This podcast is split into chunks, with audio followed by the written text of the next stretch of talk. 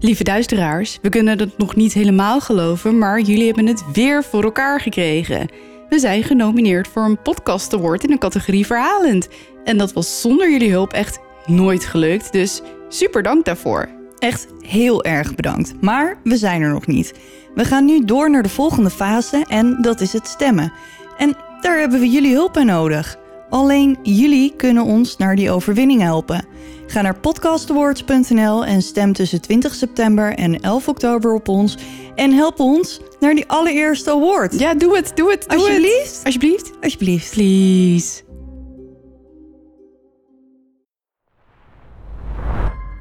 Een van Mary's klasgenoten herinnerde zich dat Mary een keer een jonger meisje probeerde te wurgen. Een leraar herinnert zich eenzelfde incident.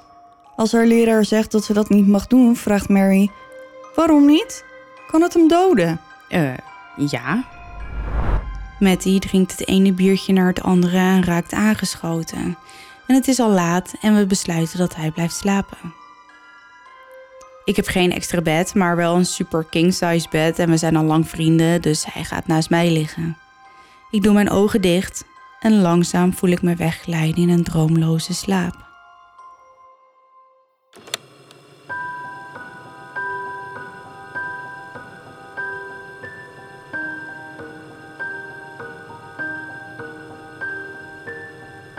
Dit is Duister. Een podcast waarin je wordt meegenomen naar het onbekende, het onbegrijpelijke. Zwarte bladzijden van de geschiedenis komen voorbij. Hier hoor je de verhalen achter moord, doodslag en onverklaarbare gebeurtenissen. We kruipen in de hoofden van een serie moordenaars, heksen, mythische wezens. Luister. En huiver naar duister. Hallo, lieve duisteraars. Hallo, welkom, Welkom bij bij- een nieuwe duister. Ik was eerder. Oh ja, je was eerder, je was me voor. Nou, welkom bij aflevering 48. ja joh.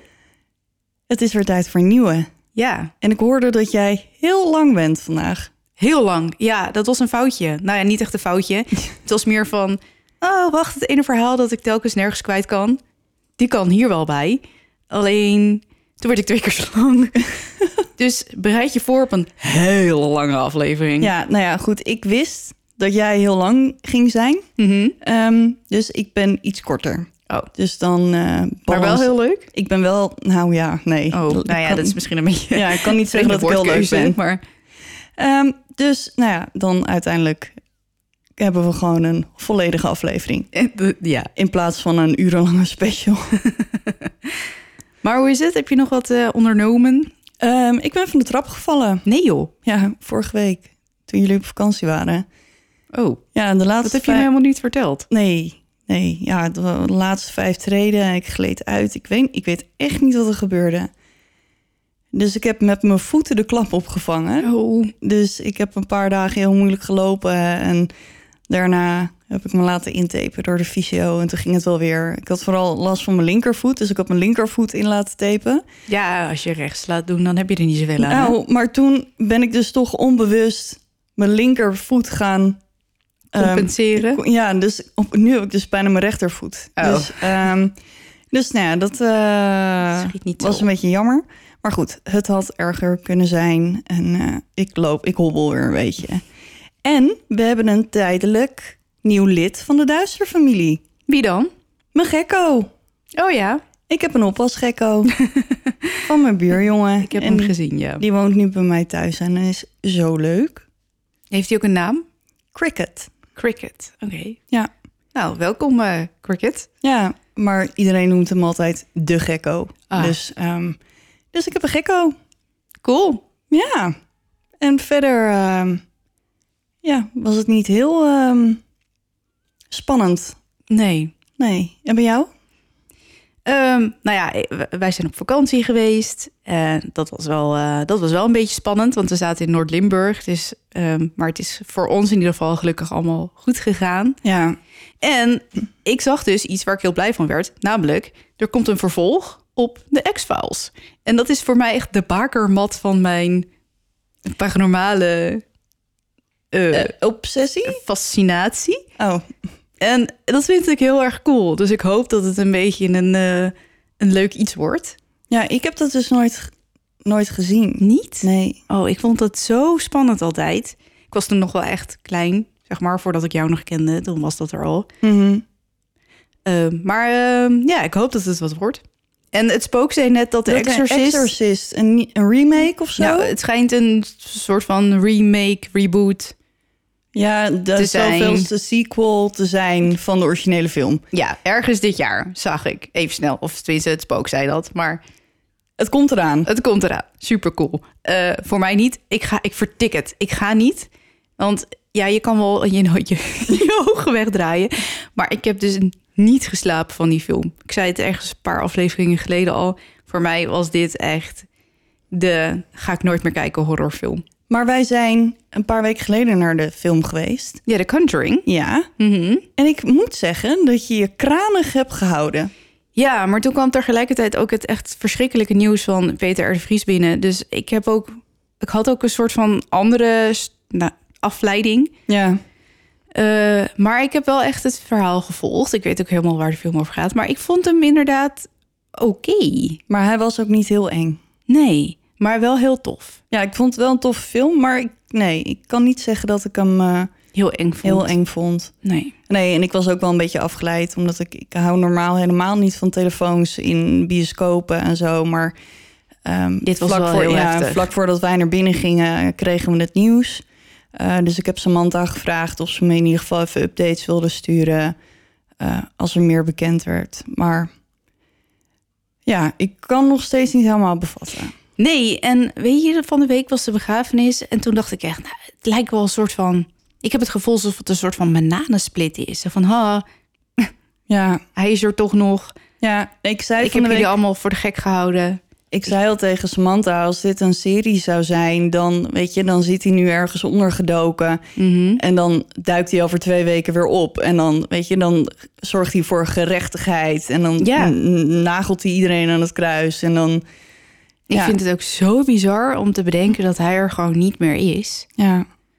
Ik ben er nog steeds wel veel mee bezig. Ik heb Ik ook veel met wel. Samantha erover en zo. En, Ja. ik heb natuurlijk eh, directe collega's die het eh, gezien hebben. Mhm.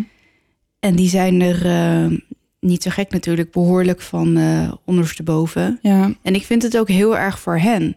Want zij hebben hem als laatste gezien. En Ja. als je denkt, als iemand sterft... en de nabestaanden willen dan misschien wel weten... hoe zijn Mhm. laatste momenten waren van iemand... die hebben die gewoon meegemaakt. En Ja. dat lijkt me ook zo intens. Ja. Het is echt... ja, het is voor iedereen die erbij betrokken is eh, vreselijk. Het was echt verschrikkelijk. Nou, ehm, ik zou willen zeggen dat ik iets leukers in petto heb. Nee. Ehm, maar nee. Nee, ik ben ook niet echt heel vrolijk vandaag met mijn verhaal. Ehm, Is het heftig weer? Of nou ja, zeg maar eentje voor mij heftig? Zeg maar red flag eh, alert? Of... Eh, ja, Oh, ik denk dat je ook heel boos gaat worden.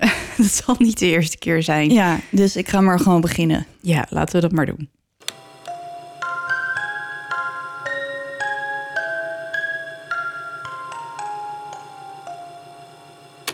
Goed, vandaag gaan we naar Engeland. En we gaan naar Newcastle, om precies te zijn. En even een waarschuwing vooraf, maar deze zaak gaat over de dood van twee kleine jongetjes. Dus, daar gaan we. Dit is het verhaal van Mary Flora Bell. Mary werd geboren op 26 mei 1957 in Newcastle. Haar moeders naam was Betty en ze kreeg Mary toen ze pas 17 jaar oud was. Betty was een sekswerker die zich vooral bezighield met SM en ze werkte voornamelijk vanuit huis. Soms liet ze haar kinderen, Mary had nog een broertje, weeklang achter bij haar man om ergens anders te gaan werken. Ze ging dan bijvoorbeeld naar Schotland. En dan ging ze naar Glasgow om daar te werken. Betty was getrouwd met William Bell, een beroepscrimineel en alcoholist. Hij kwam regelmatig in aanraking met de politie, voornamelijk voor diefstal, gewapende overvallen en omdat hij nogal eens in een vechtpartij verzeild raakte. Het is onduidelijk of William Mary's biologische vader was. Betty en hij trouwden in ieder geval toen Mary nog een baby was. Dus ofwel of niet, dit Twijfelachtig. twijfelachtig. We kunnen dus wel zeggen dat Mary niet echt een stabiel gezinsleven had. Mary was ongewild en dat liet Betty duidelijk blijken. Toen Mary geboren werd en de arts haar aan Betty wilde geven, riep ze: Haal dat ding bij me weg. Betty was natuurlijk nog jong en ze leed aan een bipolaire stoornis. Er wordt gedacht dat Betty meerdere malen geprobeerd heeft Mary te vermoorden. Zo viel, tussen haakjes, Mary eens uit een raam vanaf de eerste verdieping, waarbij ze schade aan haar prefrontale cortex opliep. Volgens Wikipedia is de prefrontale cortex betrokken bij cognitieve en emotionele functies als beslissingen nemen, sociaal gedrag en impulsbeheersing. Ook slikte ze per ongeluk de slaappillen van haar moeder. Later zouden mensen zeggen dat Betty Mary slaappillen gaf alsof het snoepjes waren. Op jonge leeftijd is Mary al een aantal keer ternauwernood aan een overdosis ontsnapt. Op een gegeven moment probeerde ze Mary zelfs te verkopen aan een vrouw die zelf niet in staat was om kinderen te krijgen. De zus van Betty zag dit gebeuren en nam Mary mee. Betty bracht Mary regelmatig voor langere tijd naar vrienden en familieleden, maar kwam haar toch altijd weer ophalen. Haar familie vroeg haar regelmatig of ze Mary alsjeblieft mochten houden, maar Betty weigerde altijd. Mary groeide op in Scotswood, een hele arme buurt in Newcastle. De meeste bewoners daar waren criminelen en sekswerkers en de kinderen speelden allemaal in de buurt zonder dat iemand op ze lette. Zelfs kinderen van twee liepen daar zonder ouders over straat en vaak speelden ze tot 's avonds laat buiten. Hm. Soms wel tot middernacht, terwijl er niemand was die een oogje op ze hield. Vaak waren het dan broertjes en zusjes die dan dat de oudste kinderen dan op de jongeren letten. Maar verder was er niet heel erg veel supervisie of zo. Twee is wel heel erg jong hoor. Ja. Maar dat kon daar. Mary ging wel naar school en haar klasgenoten herinnerden zich dat Mary een kort lontje had en heel snel heel agressief kon worden. Ook stond ze erom bekend alles glashard bij elkaar te liggen. Als Mary een jaar of acht, negen is, durven oudere kinderen niet met haar te spelen. En als ze haar aanzien komen, maken ze zich uit de voeten. Zo bang waren ze voor haar. Als Mary ontplofte, begon ze met haar hoofd te schudden, haar ogen wijd open gesperd.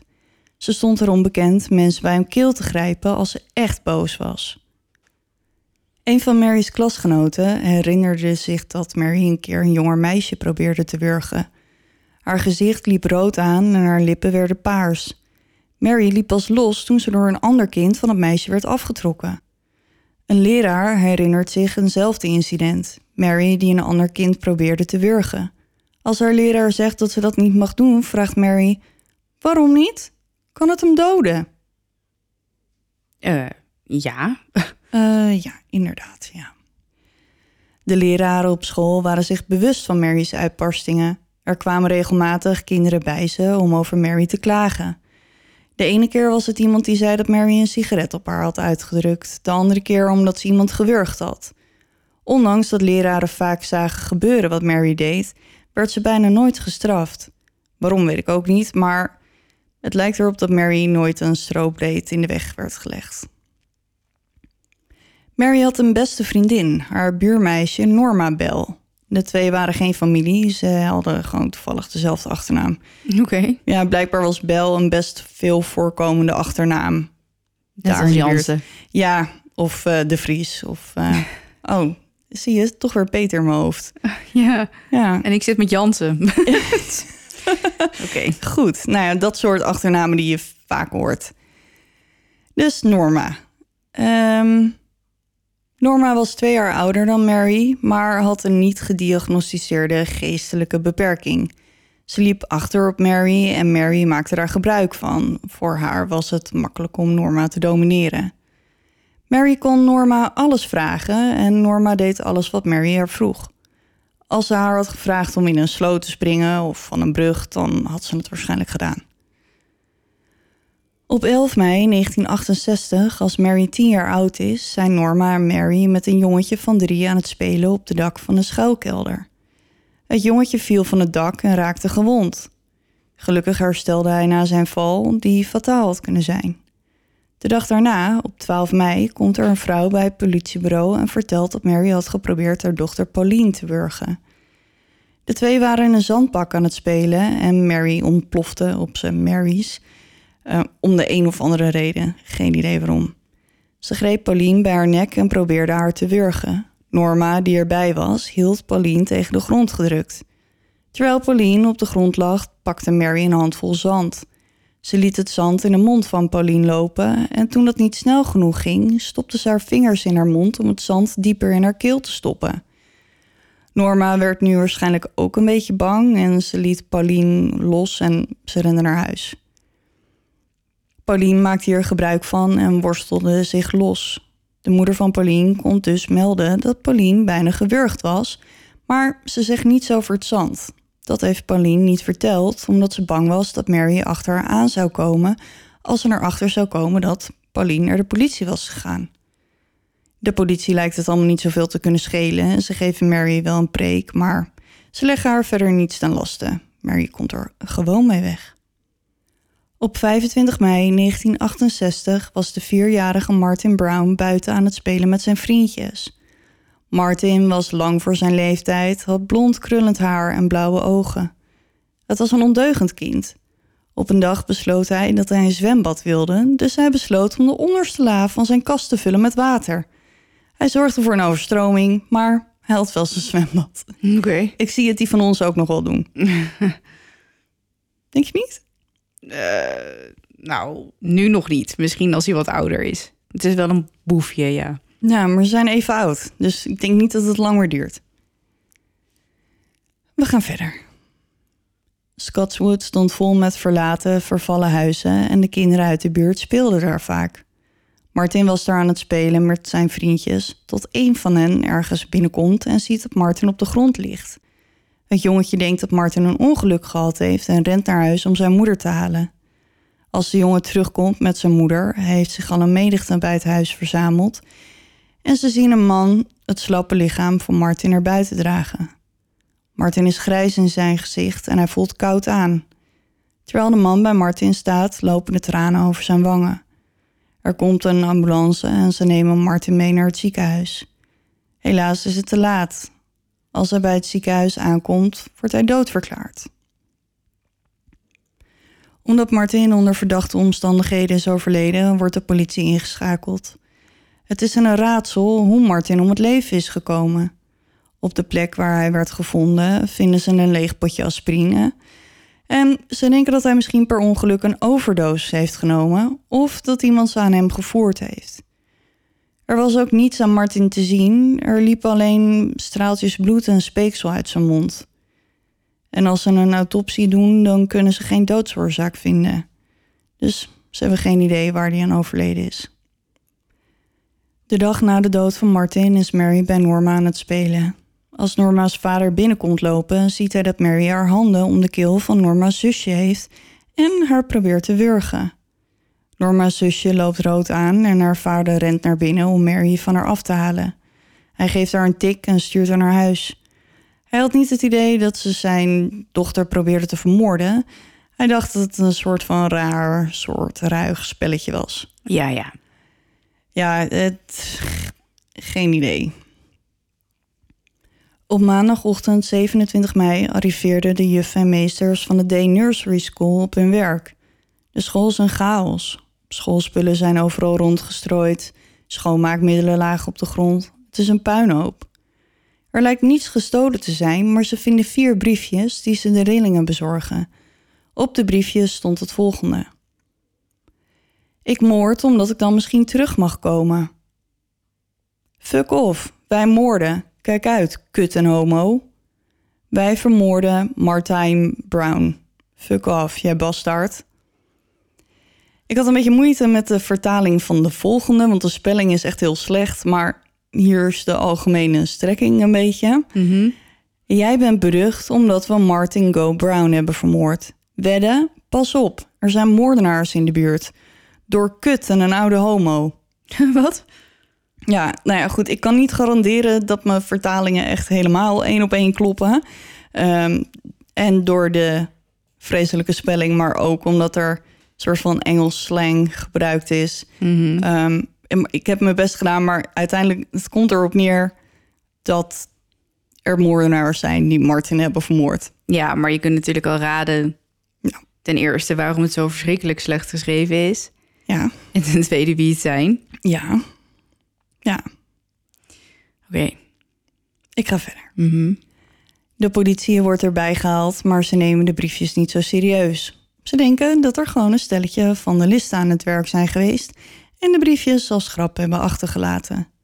En tijdens de autopsie hebben ze geen sporen van moord gevonden, dus ze hebben geen reden om aan te nemen dat de briefjes echt iets met Martins dood te maken hebben.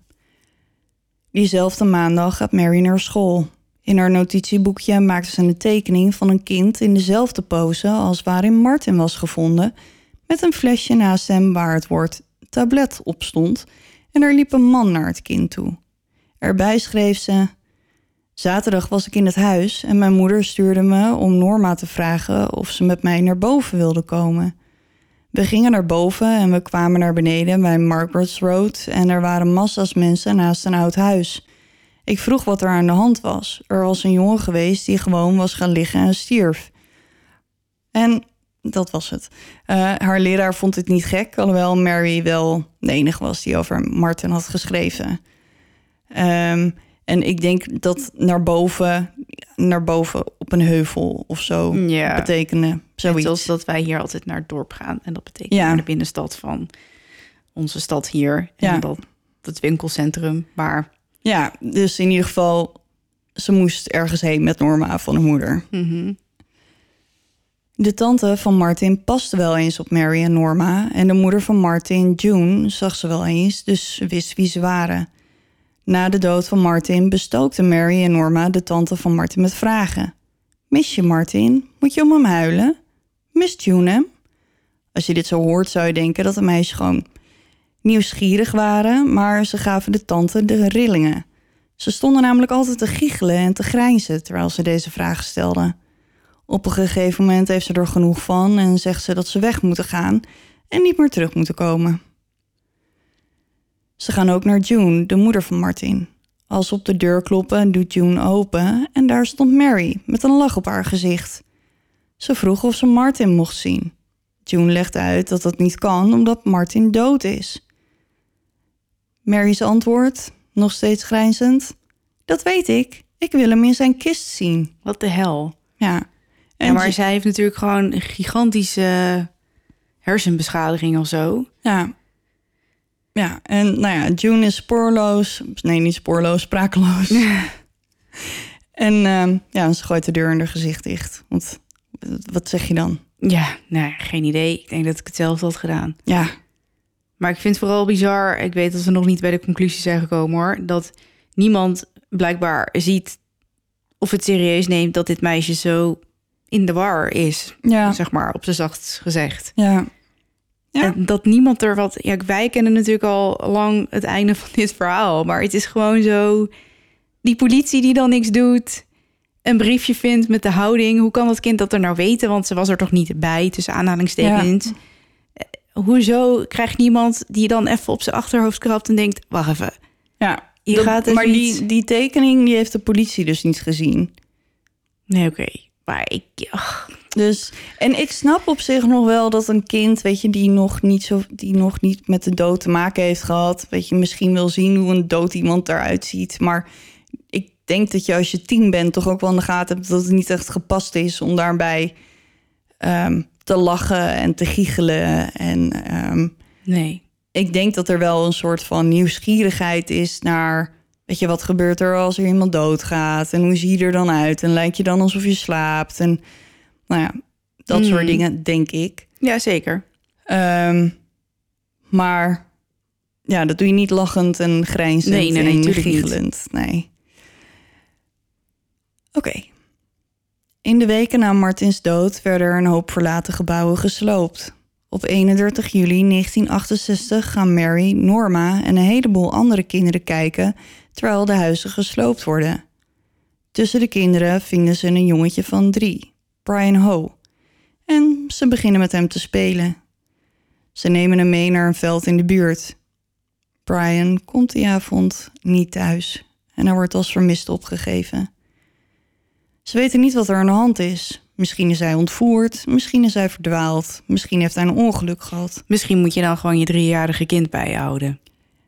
Ja. Ehm, maar nu denk ik wel, dan moet ik even goed nadenken of het waar is wat ik zeg. Maar volgens mij had hij in ieder geval geen moeder meer. Maar ik kom zo nog. Hij heeft in ieder geval een zus. Maar ik weet niet hoe oud de zus was. Maar goed, buurtbewoners verzamelen zich en gaan op zoek naar Brian. Mary en Norma helpen de zus van Brian, Pat, zoeken. Als ze haar zien lopen, vragen ze haar of ze op zoek is naar Brian. Pat maakte zich zorgen om haar broertje. Hij had te lang thuis moeten zijn en hij speelt altijd in de buurt van zijn huis. Hij ging helemaal nooit ver weg. Mary en Norma bieden aan om haar te helpen zoeken. Ze nemen Pep mee naar een industriegebied waar de kinderen vaak speelden. Overal lagen bouwmaterialen, oude auto's en gevaarlijke wrakstukken. Pet was bezorgd. Het was nog maar zo kort geleden dat Martin doodgevonden werd in het verlaten huis.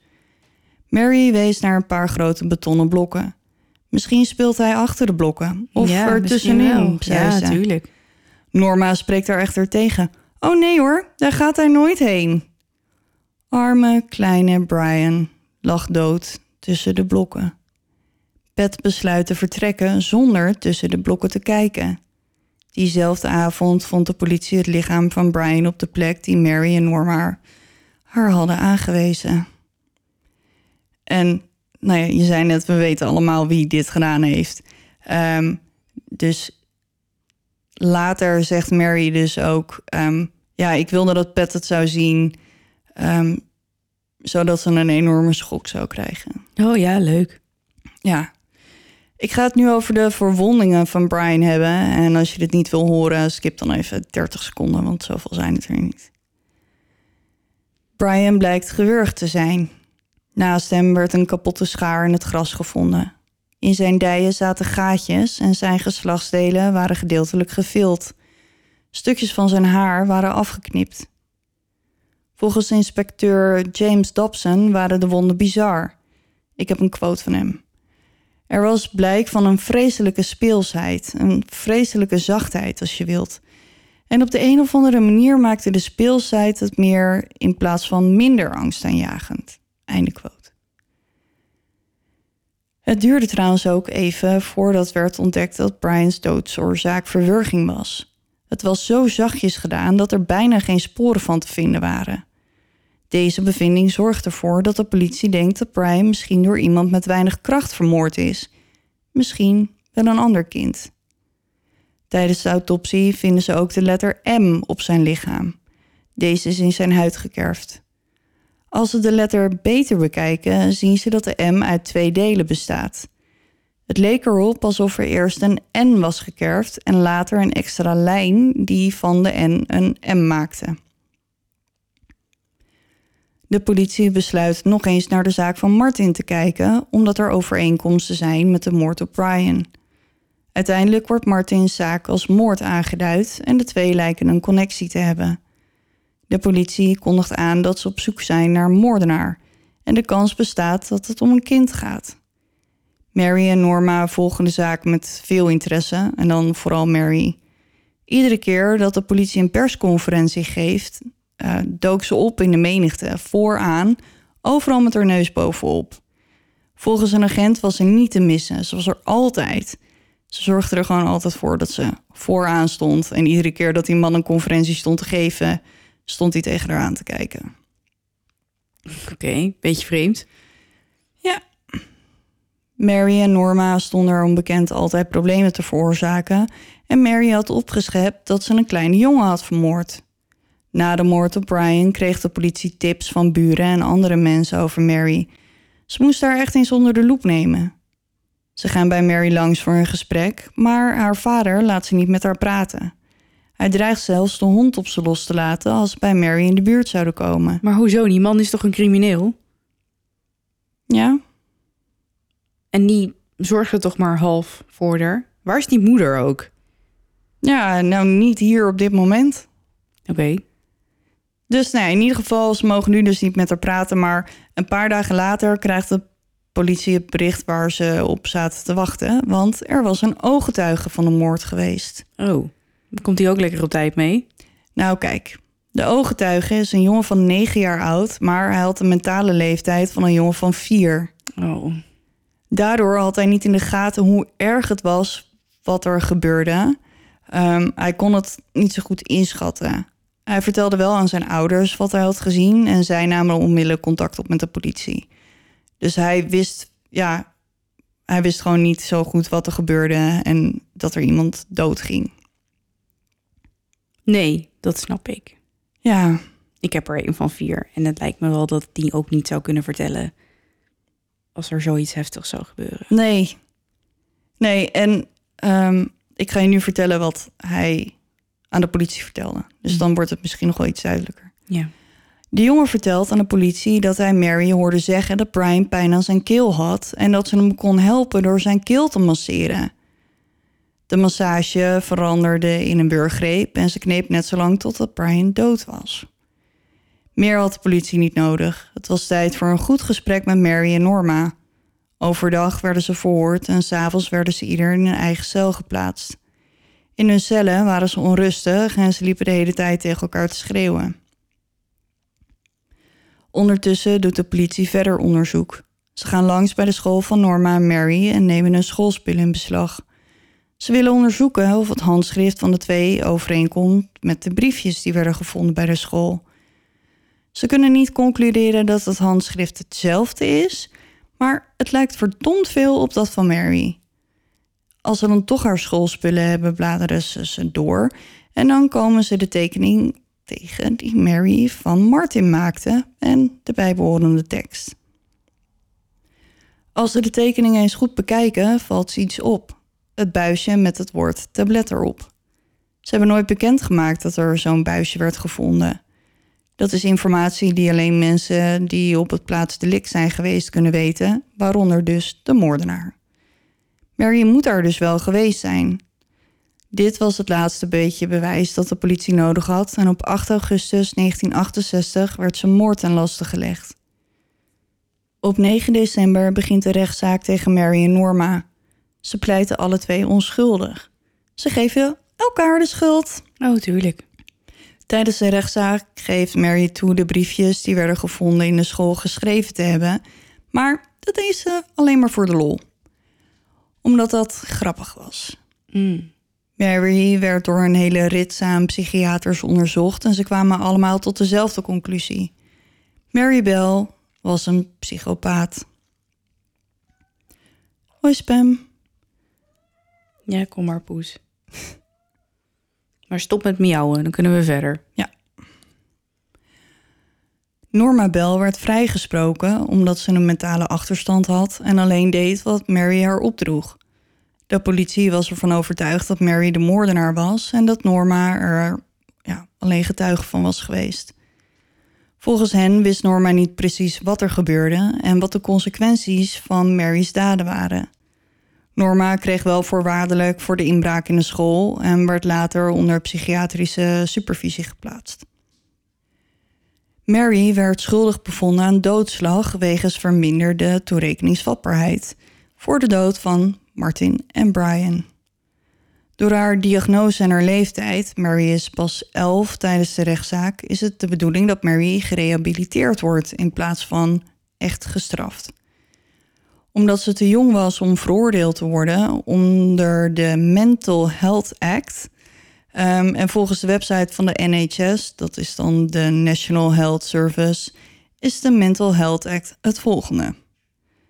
De Mental Health Act is het belangrijkste stuk wetgeving dat de beoordeling, behandeling en rechten van mensen met een psychische stoornis dekt. Mensen die op grond van de Mental Health Act worden vastgehouden, hebben dringend behandeling nodig voor een psychische stoornis en lopen het risico zichzelf en anderen schade te berokkenen. Dus daar was ze te jong voor. Mhm. Naar de gevangenis kon ze ook niet, want daar was ze ook te jong voor. Oh, Ze gaat naar een opvoedgesticht of een hervormingsschool. Dat kan blijkbaar allebei. ja, we hebben het over 1968, hè? Ja, ja. En hier werden jonge criminelen, eigenlijk alleen maar mannen, heen gestuurd in plaats van naar de gevangenis. Of een meisje van elf met psychische problemen. Ja, ze was de enige blijkbaar. Klinkt als een goed idee. Ja, Betty kwam Mary vaak opzoeken en Mary keek altijd naar deze bezoekjes uit.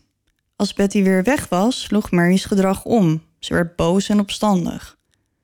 Als ze 16 is, moet ze naar een gewone gevangenis, wat nogal een overgang is. Mary, die hier ineens tussen alleen maar vrouwen terechtkomt, heeft het er moeilijk mee. En ze had blijkbaar ook met, ehm, met het hoofd van dat opvoedgesticht een hele goede band. En hij was een beetje haar vaderfiguur. En dus ja, is nog alsnog een klein meisje. Dus het is een hele verandering als je dan Ja. zo lang bij zo iemand hebt gezeten. En, eh, Waar je je prima voelde. ja. En je gedrag dus waarschijnlijk vooruit gaat. ja, ze schijnt het ook daar best wel goed gedaan te hebben. En gewoon structuur, discipline, ehm nou ja, Weinig ruimte. reinheid. rust. Ja. Ja, die. De Ja. drie, de drie R'en. Ja. Ja, dus nou ja, goed, dat is dan een behoorlijke overgang. En dan ook allemaal gelijk volwassen vrouwen natuurlijk, waar ze tussen terecht Ja, die waarschijnlijk allemaal een eigen verleden hebben. Ja. In 1977 wordt ze overgebracht naar een minder zwaar beveiligde gevangenis en ze ontsnapt samen met een andere gevangene. Ze werden opgepikt door twee jonge mannen en in de korte tijd dat Mary vrij was, verloor ze haar maagdelijkheid. De man met wie ze sliep verkocht later zijn verhaal aan de roddelbladen en beweerde dat ze uit de gevangenis was ontsnapt om zwanger te worden. Wat? Wat? Ja, ze werd al snel weer opgepakt en ging terug naar de gevangenis. Maar zwanger of niet? In 1980, als Mary 23 jaar is en 12 jaar heeft gezeten, komt ze voorwaardelijk vrij. Een paar maanden voor haar voorwaardelijke vrijlating werd ze overgebracht naar een hostel en hier ontmoette ze een getrouwde man die haar zwanger maakte. Mary laat deze zwangerschap beëindigen. En haar redenatie daarachter las ik was van ja, ik heb net twee, ik heb net 12 jaar gezeten voor het doden van twee kleine kindjes en dan nu gelijk ja, dat was misschien wel een verstandig besluit. N- Nou ja, ja. Ja. Maar hoe, hoe zit het nu met haar stoornis? Want ze is nu 23. Heeft ze spijt? Heeft ze, eh, snapt ze het? Ehm, Nou ja, stoornis. Het is eerder een hersenbeschadiging, denk ik. Maar ja. Ehm, gaan we er zo nog even over hebben. oké. Na haar vrijlating was Mary's eerste baan bij een kinderdagverblijf in Wat de fuck? Maar de reclassering vond dit een ongepaste baan voor haar. Joh, Ja, leek mij ook niet helemaal de bedoeling. Ja, je kan wel knipperen inmiddels. Je zit me echt met wijd opengesperde ogen aan te kijken. is toch bizar? Ja. Eh, goed, de kinderdagverblijf dus. Dat, is, dat was niet geschikt, dus daar moest ze snel weer weg. Ze nam een baantje als serveerster en ging naar een universiteit. Haar studie maakte ze niet af. Nadat ze weer bij haar moeder was ingetrokken, ontmoette ze een jonge man en ze werd zwanger. Mensen maakten zich zorgen of een vrouw die twee kinderen vermoord had wel zelf moeder zou kunnen worden. Maar Mary vocht ervoor om haar kind te mogen houden. En Mary krijgt uiteindelijk een dochter. Mary heeft een nieuwe identiteit gekregen en als haar dochter geboren wordt, wordt deze ook anoniem gehouden. In de eerste instantie gold dit alleen voor de eerste 18 jaar van haar leven. Maar nadat de pers ontdekte waar Mary en haar dochter, die dan 14 is, woonden, stapte Mary naar de rechter om levenslange anonimiteit voor haar dochter te eisen. Mary wint. Inmiddels heeft haar dochter een kind en is Mary oma. En ook deze baby krijgt volledige anonimiteit. ja, rot op. Sorry, maar dat kan toch niet? Ja, ik snap wel dat die kinderen er gereed mee te maken hebben, maar nee. Je verdient het gewoon niet. Nee, maar goed, dit is hetzelfde als eh, degene die bij James Ja, eh, een nieuwe identiteit hebben gekregen. En zij werd ook gewoon, als bekend werd dat ze wie ze waren, Wie dan werd ze waren, maar met- weer opnieuw weggestopt. ja, met, ja, gewoon met pek en veren de straat uitgejaagd. En er werd haar auto gesloopt en weet ik veel wat allemaal. Maar het schijnt dat ze zich daarna gewoon prima heeft gedragen. Tot nu toe. Ja, leuk. Ja, Heel leuk. Ja, ik denk dat als nu bekend wordt wie zij is, dat er dan alsnog de hel losbreekt. Ik zou bijna zeggen, was het maar zo. Ja, ik kan hier gewoon niet tegen. Nee. Het is gewoon twee moorden plegen naar mijn wegkomen. Ja, nou ja, er, ja nee. Ja, nee, ja, oké, ze heeft die straf uitgezeten. Ja, Ja. oké. Ze heeft wel die straf gehad. Ja. Dat klopt, ja. ja, en in de ogen van de wet ben je dan gewoon... Ja, dan heb je inderdaad je straf uitgezeten. En dan kan je gewoon verder met je leven. Dan heb je geboet voor je daden. Dus, ja, nou, ehm, ja oké, ja. Eh, wettelijk gezien eh, klopt dat, ja. Maar gevoelsmatig vind ik het gewoon helemaal kut. Ja, ja, ik ook. Maar ja, het is ook zo lastig. Ehm, ze was nog zo jong. Ze- ja, maar hoe... Maar ja, oké. Maar die moeder... Oh ja, dat wil ik nog wel even... Mary heeft toen ze in de gevangenis zat... een brief naar de moeder geschreven...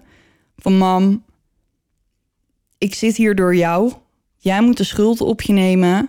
Oh, Ehm, en in Mary's hoofd werkte het dan zo dat als haar moeder achter de tralies zat, dat zij dan vrij zou komen. Ehm, en nou is er ook nog sprake van dat Betty Mary, toen ze nog echt heel klein was, ehm, gebruikt heeft bij haar sekswerk. En Mary dus aan haar klanten heeft eh, verkocht. En Mary schijnt ook heel lang eh, in haar bed geplast te hebben. En, ja, tuurlijk. Dat kind die is gewoon helemaal ja niet en, in orde. En Betty strafte haar dan door, nou ja, wat ze zeggen ook, dat je met een hond moet doen, wat je trouwens echt nooit moet doen, maar met haar gezicht door die natte plek. En dan haar matras buiten zetten om er verschut te zetten. Dus Mary durfde nooit te slapen. Ehm, dus ja, wat mij betreft dat Betty ook wel eh, iets van een straf mogen krijgen. Ja, maar je kan echt de verschrikkelijkste dingen doen. Maar als je geen moord pleegt of je wordt niet betrapt... dan, dan, dan, dan kan je niks met zo iemand. Nee. Nee, nou ja, ik heb een documentaire gekeken over deze zaak. Eh, Het is een hele oude. Hij staat op YouTube. Ik heb hem in de show notes.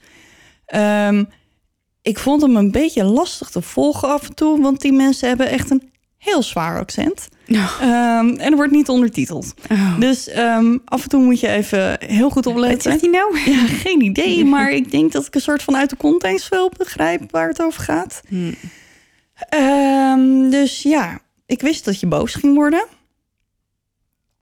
Ja, het is gewoon zo lastig, want het is heel duidelijk dat deze mevrouw eh, buiten haar schuld om met heel veel problemen kampt, die er echt wel voor kunnen zorgen dat het natuurlijk niet goed gaat in Ja. dat hoofd. Je, want ze was nog klein. Ja.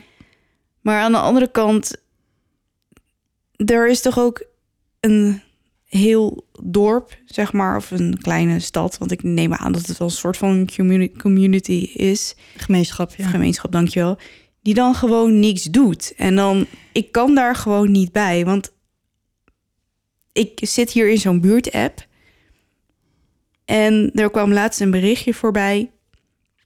Ik heb heel veel geschreeuw gehoord. Heeft iemand dat ook gehoord?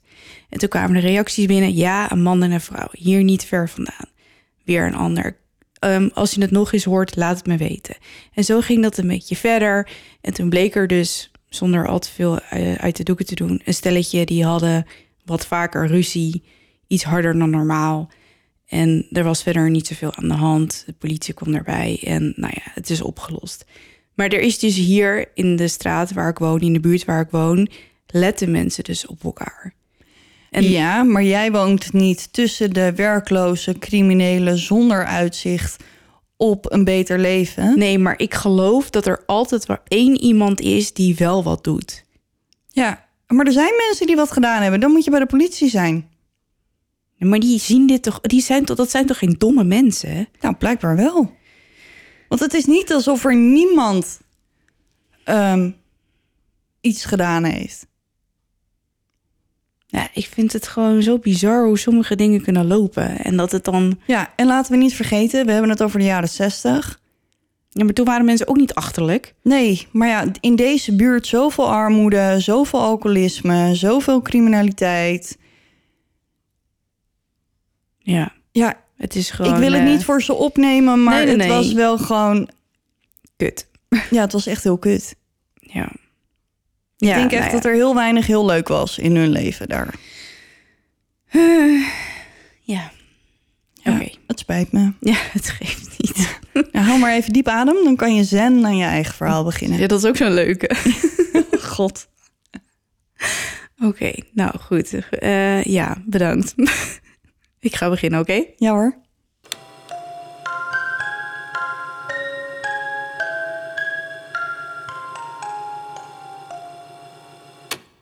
Vandaag vertel ik over een onderwerp waar veel mensen bang voor zijn. En nu is het natuurlijk wel vaker zo dat ik enge onderwerpen bespreek. Maar dit fenomeen is nou juist zo angstaanjagend omdat het je zomaar eens zelf zou kunnen overkomen. Ik zie je heel moeilijk kijken. Vandaag gaat over slaapverlamming.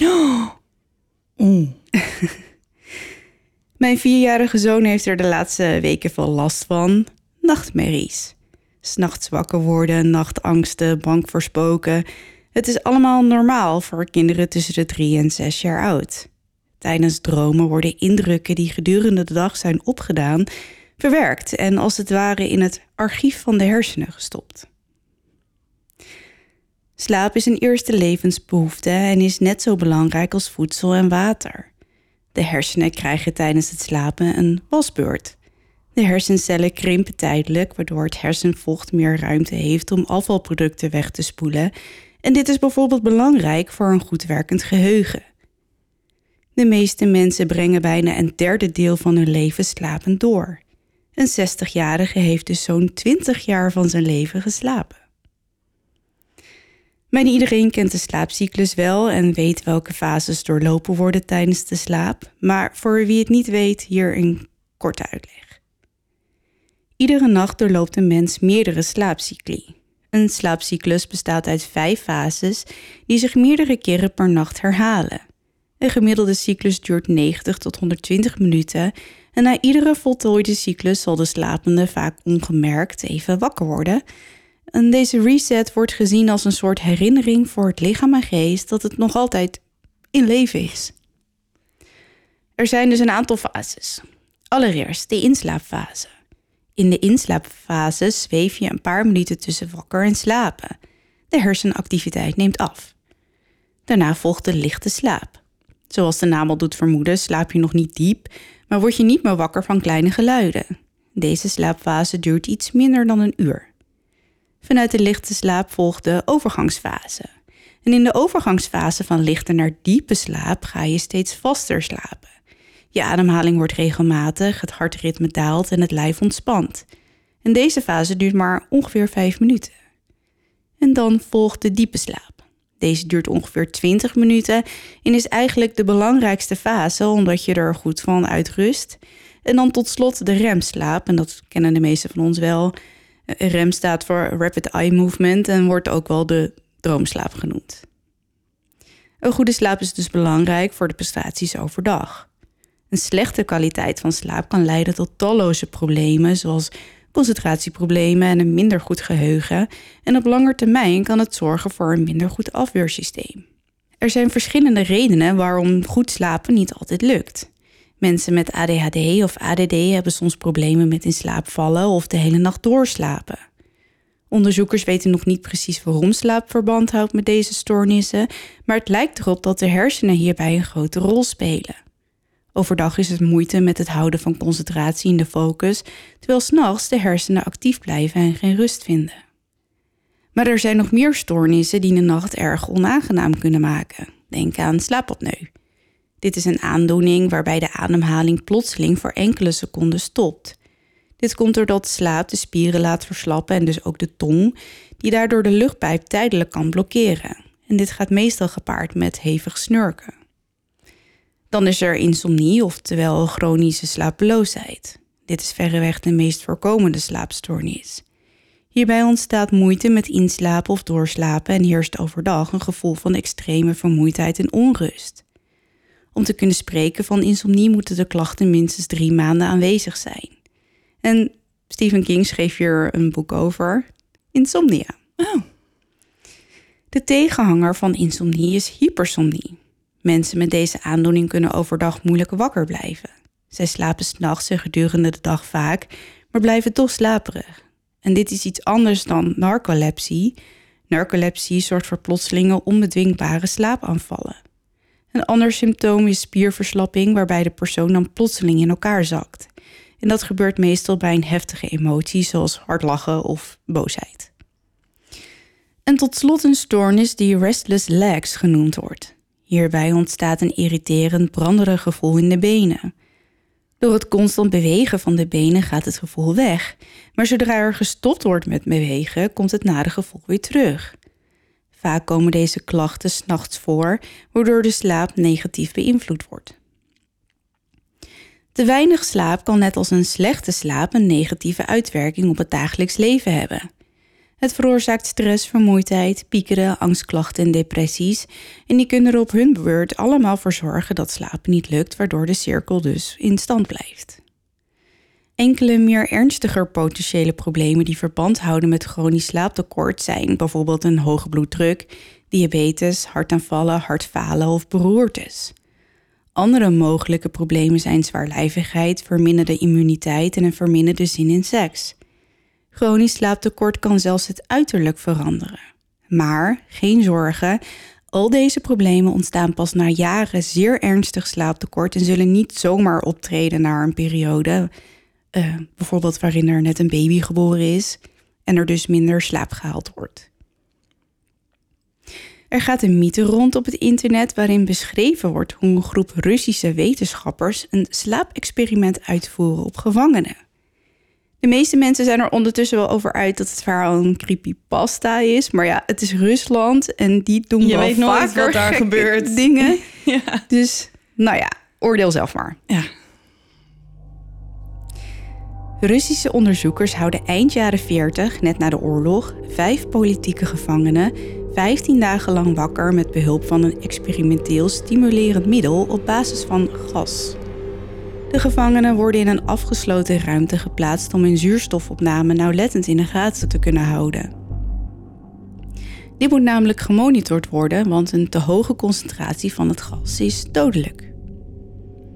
In de jaren 40 zijn er nog geen bewakingscamera's en dus hebben de wetenschappers alleen microfoons en vijf dikke glazen patrijspoorten in de ruimte om de gevangenen in de gaten te houden. De ruimte is gevuld met boeken, heeft stromend water en een toilet, genoeg gedroogd voedsel voor meer dan een maand en ledikanten om op te slapen, maar zonder beddengoed. De gevangenen worden beschouwd als proefpersonen en krijgen goede zorg, ondanks ze tijdens de Tweede Wereldoorlog als staatsvijanden werden gezien. De eerste vijf dagen verlopen probleemloos. De proefpersonen klagen nauwelijks. Er is hen, ten onrechte, beloofd dat ze worden vrijgelaten als ze zich aan de test van de wetenschappers onderwerpen en gedurende 30 dagen niet zullen slapen. So far so good, or not normanje in het Russisch. Oké.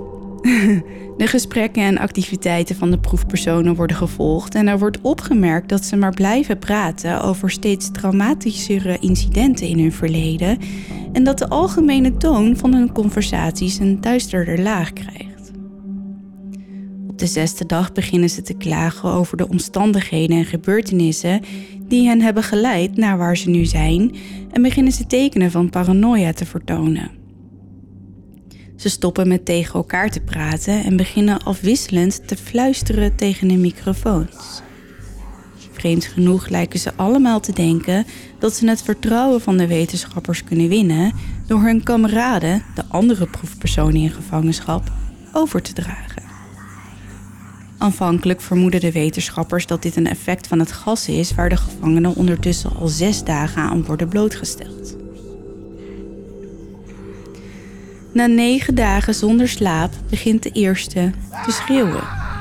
Hij rent door de kamer, herhaaldelijk schreeuwend naar de microfoons. Bijna drie uur lang, zonder te stoppen, schreeuwt hij. En daarna kan hij alleen nog maar een piepend geluid produceren. De wetenschappers stellen vast dat hij zijn stembanden heeft gescheurd. Het meest verrassende aan dit gedrag is nog wel hoe de andere proefpersonen op zijn geschreeuw reageren. Of beter gezegd, hoe zij niet reageren. Ze blijven onveranderd tegen de microfoons fluisteren totdat na uren de tweede van hen begint met schreeuwen. De drie niet schreeuwende proefpersonen halen met wijd opengesperde ogen de boeken uit elkaar, smeren pagina na pagina vol met hun eigen uitwerpselen en plakken ze, in zichzelf mompelend, over de glazen patrijspoorten. Rond tien uur houdt het geschreeuw prompt op. En dat geldt ook voor het gefluister naar de microfoons. Nadat er nog drie dagen verstreken zijn, controleren de wetenschappers de microfoons elk uur en wordt er zelfs één vervangen om er zeker van te zijn dat ze het nog doen, omdat het onmogelijk is dat er geen enkel geluid meer komt uit een ruimte met vijf mensen erin. Het zuurstofverbruik in de kamer geeft aan dat ze alle vijf nog in leven moeten zijn. Het valt wel op dat er veel zuurstof gebruikt wordt, net zo'n grote hoeveelheid die vijf mensen zouden consumeren bij zeer zware inspanning. Op de ochtend van de veertiende dag doen de wetenschappers iets waarvan ze hadden gezegd dat ze het niet zouden doen om een teken van leven te krijgen. Ze gebruiken de intercom, in de hoop een reactie uit te lokken van de proefpersonen. Dit omdat er al dagen geen geluiden meer zijn vernomen uit de ruimte en de wetenschappers niets kunnen zien door de beplakte patrijspoorten. Ze zijn bang dat de gevangenen zijn gestorven. In de controlekamer scharen de wetenschappers zich rond het intercomsysteem en met een onvaste stem drukt een van op het knopje en zegt: Luister, we openen de kamer om de microfoons te testen. Ga weg van de deur en ga plat op de grond liggen of er wordt geschoten. Naleving zal één van jullie onmiddellijke vrijheid opleveren. Maar, tot hun verbazing, na enige stilte horen de wetenschappers één enkele zin in een uiterst kalme stem. Wij wensen niet langer bevrijd te worden. Geschokt kijken de wetenschappers elkaar aan. Er ontstaat een discussie tussen hen en de officieren van het leger, die zich tot nu toe op de achtergrond hebben gehouden. Niet in staat meer respons uit te lokken via de intercom, wordt uiteindelijk besloten om de ruimte op de 15e dag om middernacht te openen. En dan is het zover. Eerst wordt de ruimte gevuld met frisse lucht en onmiddellijk beginnen er krakende stemmen uit de microfoons te protesteren. De proefpersonen smeken om het gas weer aan te zetten. Ze hebben er alles voor over, zelfs het leven van hun dierbaren. De wetenschappers twijfelen. Maar de officieren bevelen het en dus wordt de ruimte geopend en soldaten worden gestuurd om de gevangenen te halen. Die beginnen echter harder te schreeuwen dan ooit. De wetenschappers kijken elkaar angstig aan in de controlekamer. Uit de intercom komen vreselijke geluiden. De proefpersonen jammeren en schreeuwen en nu beginnen ook de soldaten te schreeuwen. Dan komt het eerste bericht.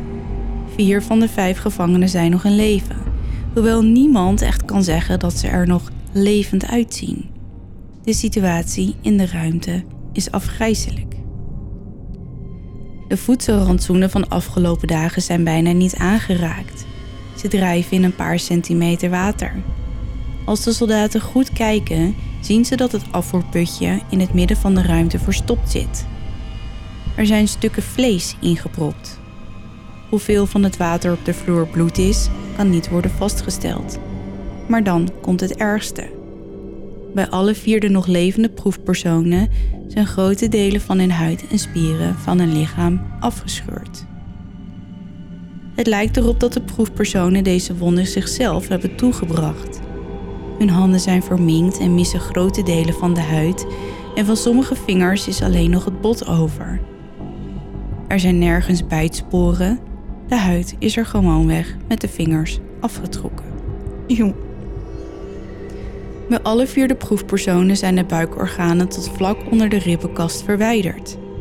Terwijl het hart en het middenrif nog op hun plaats zitten, zijn de huid en de meeste spieren die aan de ribben vastzitten afgescheurd, waardoor de longen bloot zijn komen te liggen. Alle bloedvaten van de organen zijn intact, maar sommige zijn uit het lichaam gehaald en op de grond gelegd. Het spijsverteringskanaal van alle vier werkt nog en de soldaten zien dat het bezig is met verteren waarschijnlijk het verteren van hun eigen vlees dat ze de afgelopen dagen hebben opgegeten. De soldaten zijn Russische, geharde en speciaal getrainde agenten, maar toch weigeren ze terug te keren naar de ruimte om de proefpersonen te verwijderen. Er moet zelfs een nieuw team worden aangesteld. De gevangenen blijven ondertussen maar schreeuwen om in de ruimte te worden achtergelaten en smeken afwisselend of het gas weer aan mag. Tot ieders verbazing leveren de proefpersonen een hevig gevecht terwijl ze uit de ruimte worden verwijderd.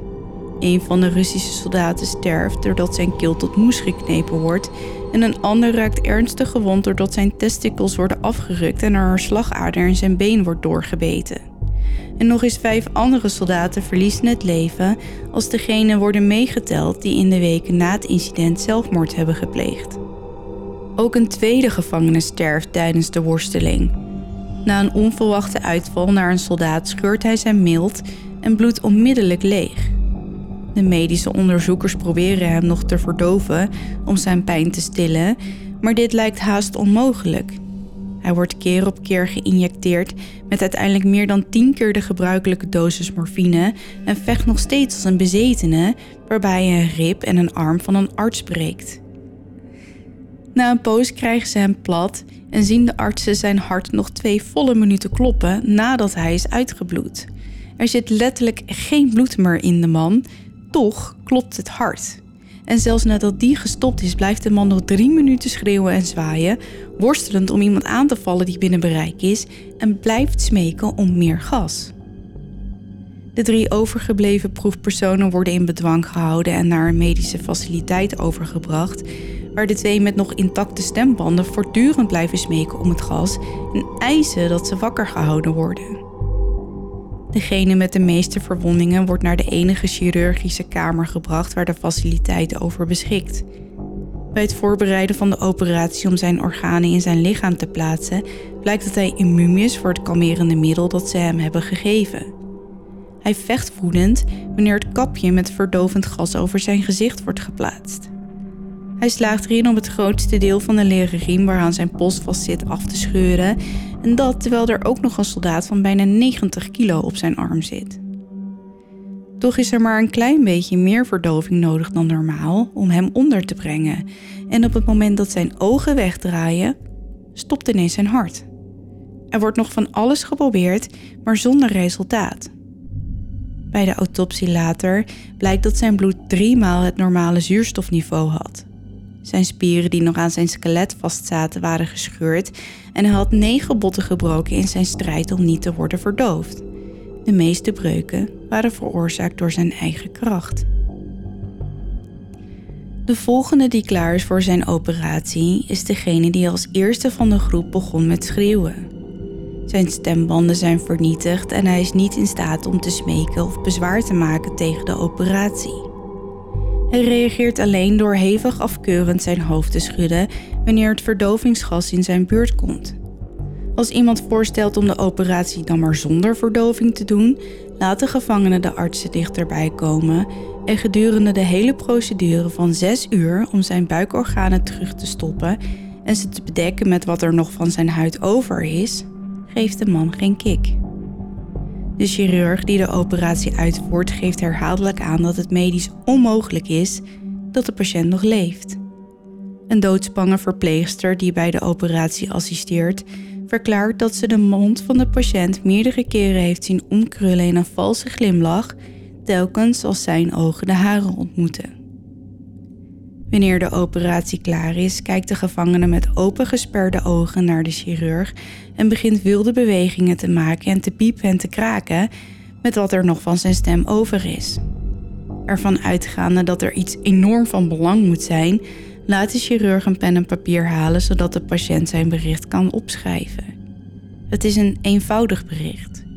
Blijf snijden, staat er. En terwijl de verpleegster flauw valt, kijkt de gevangene met een manische blik naar de chirurg en begint te glimlachen. De overgebleven twee proefpersonen krijgen dezelfde operatie, beide ook zonder verdoving.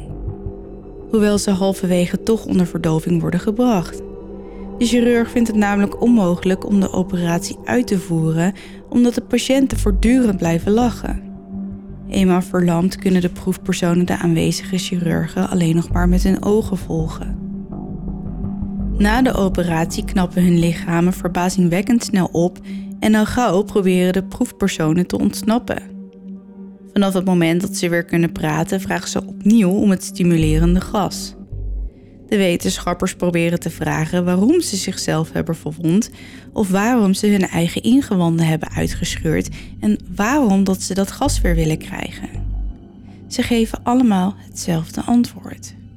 Ik moet wakker blijven.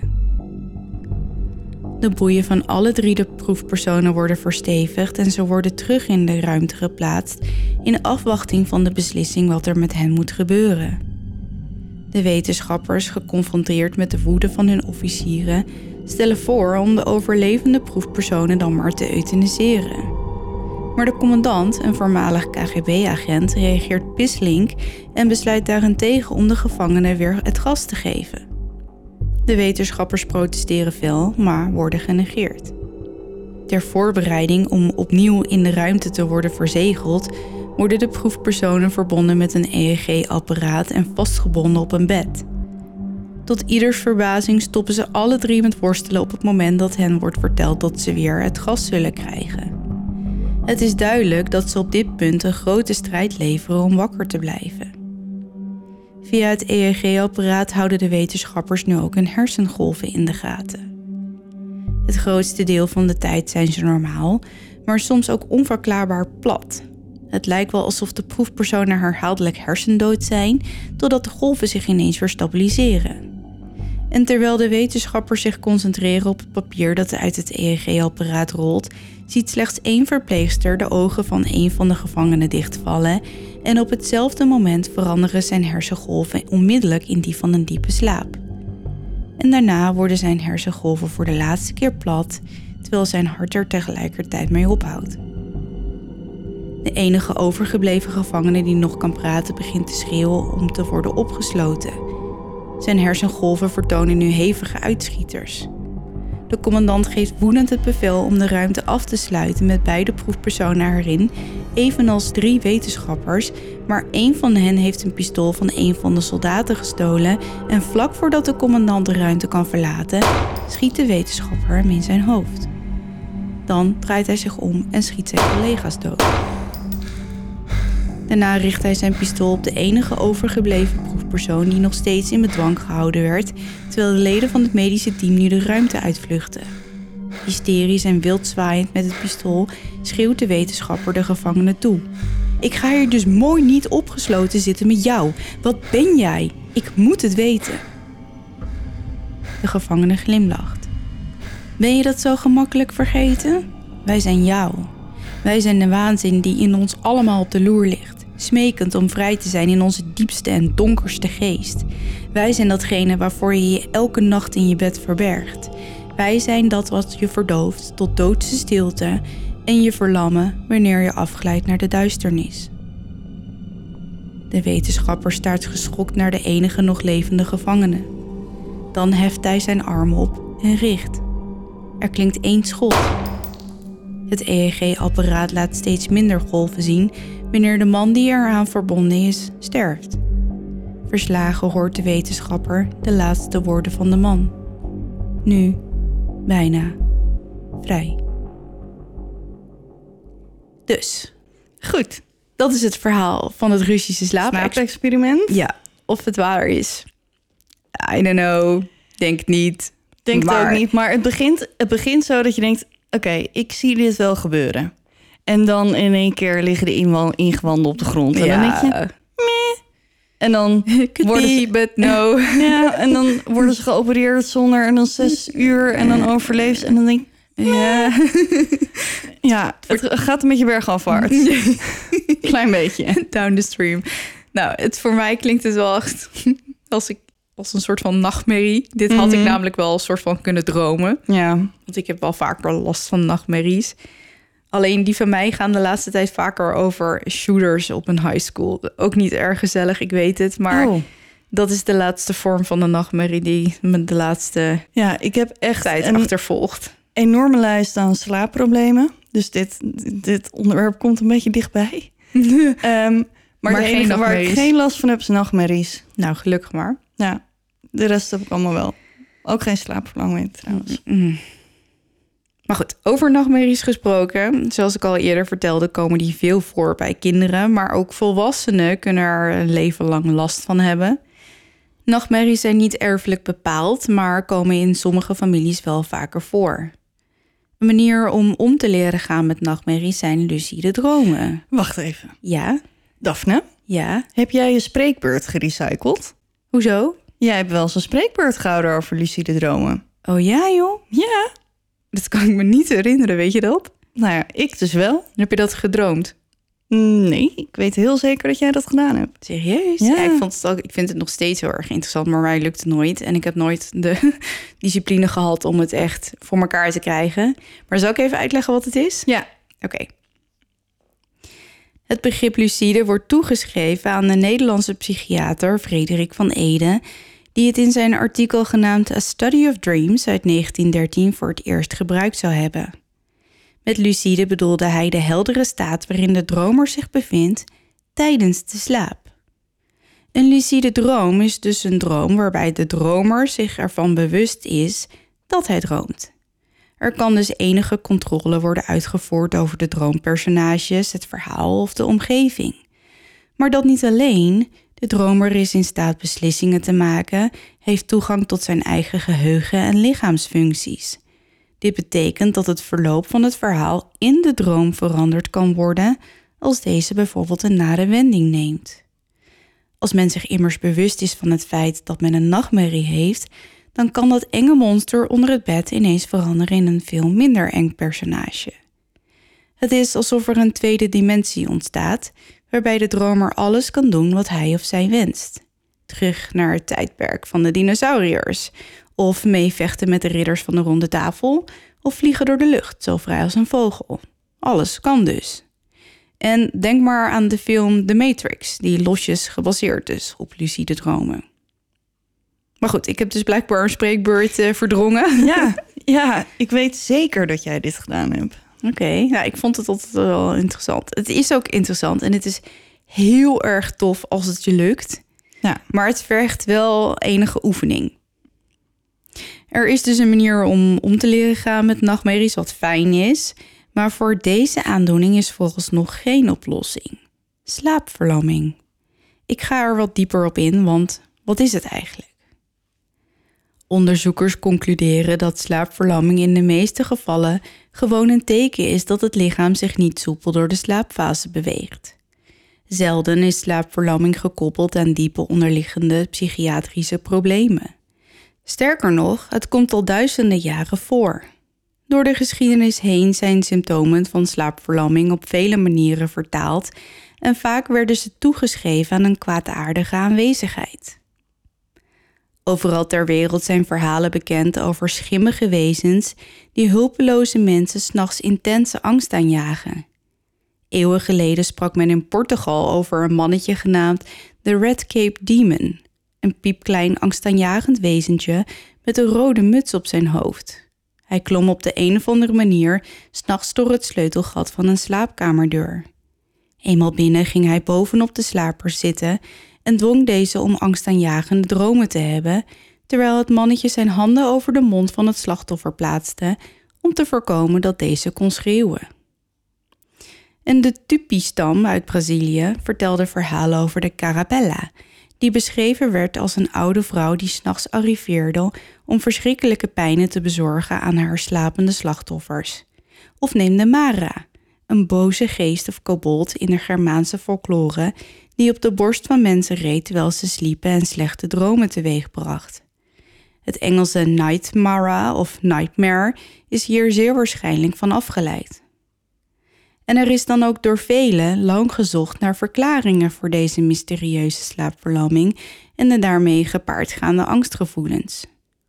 In de tweede eeuw na Christus bijvoorbeeld probeerde de Griekse arts Galen nachtmerries uit te leggen met de hulpmiddelen die hem op dat moment ter beschikking stonden. Vergeet niet dat dit een man was die medicijnen studeerde in de legendarische stad Alexandria, de thuisbasis van de grootste bibliotheek in de antieke wereld. Maar ondanks alle vooruitgang in wiskunde, natuurkunde en adreskunde die hij tot zijn beschikking had, was de wereld van de dromen een stuk minder goed gedocumenteerd. Het beste dat hij kon bedenken was dat deze nare dromen een product waren van maagstoornissen. Hij dacht dat de dampen van onverteerd voedsel s'nachts over het hoofd van de persoon dreven, wat allerlei angstaanjagende symptomen veroorzaakte. En hoewel zijn benadering het doel ruimschoots miste, was hij niet de enige die nadacht over de toestand waarin deze mensen zich bevonden. 600 jaar voor Galen schreven Chinese schrijvers soortgelijke symptomen op in een Book of Dreams en sommige Saksische manuscripten noemden deze nachtmerries ook, waarna ze hun eigen remedies aanboden waarvan werd gezegd dat ze verlichting zouden brengen. Salite bijvoorbeeld. Vandaag de dag weten we gelukkig meer over deze verschrikkelijke nachtmerries en verlammingen. Er is bekend dat 8% van alle mensen een slaapverlamming heeft ervaren en dat deze de neiging hebben om te gebeuren wanneer zij in slaap vallen of wakker worden.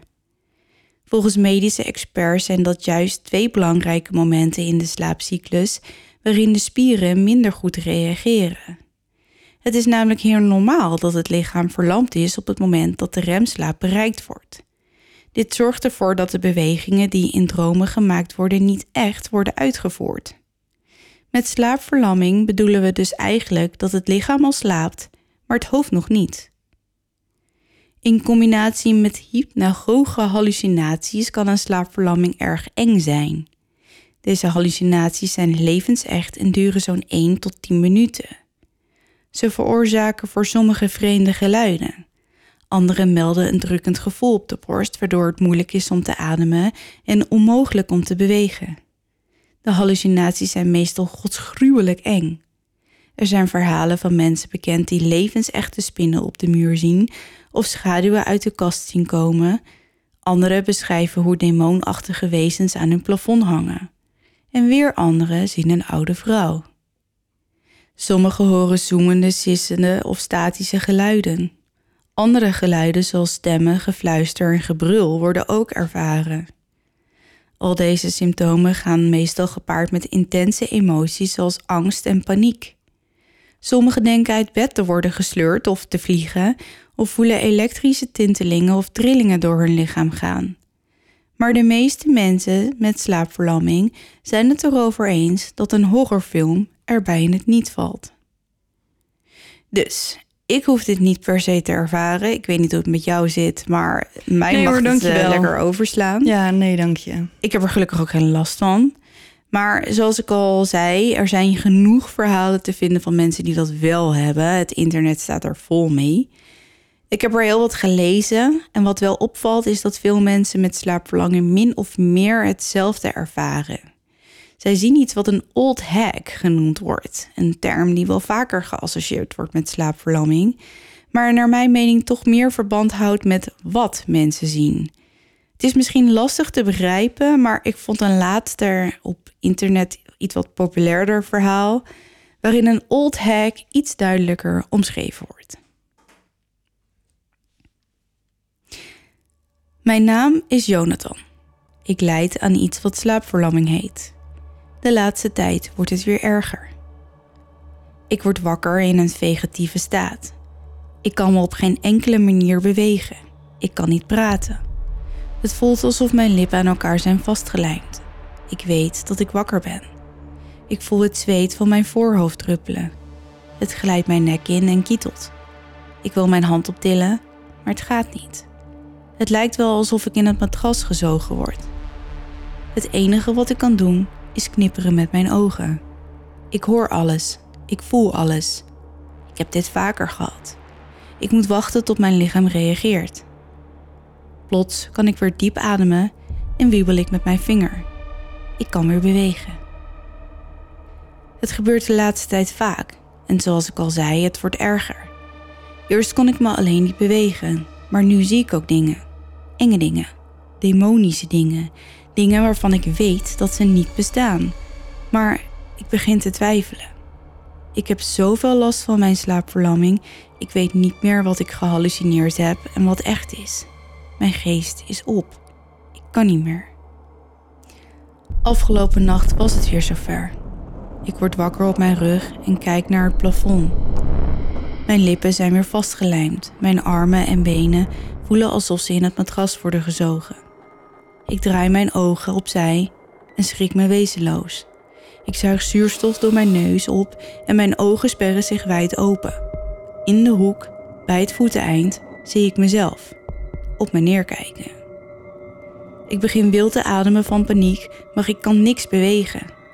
Kort sluit ik mijn ogen in een poging de hallucinatie te laten verdwijnen, maar wanneer ik ze open doe, ben ik niet meer in mijn eigen lichaam. Vanuit een vreemde hoek, boven in mijn kamer, zie ik mezelf, in bed liggen. En aan het voeteneind zie ik nog een versie van mij staan. Ik sluit mijn ogen. Wanneer ik ze weer open doe, ben ik degene die in het bed ligt. En de versie van mij die aan het voeteneind stond, staat nu pal naast me. Ik wil gillen, maar een mompelend geluid is het enige wat ik hoor. Ik kan niet vertellen hoe groot de angst en de paniek is die ik nu voel. Mijn hart raast als een bezetene. En plots kan ik mijn vinger bewegen. Ik ben wakker.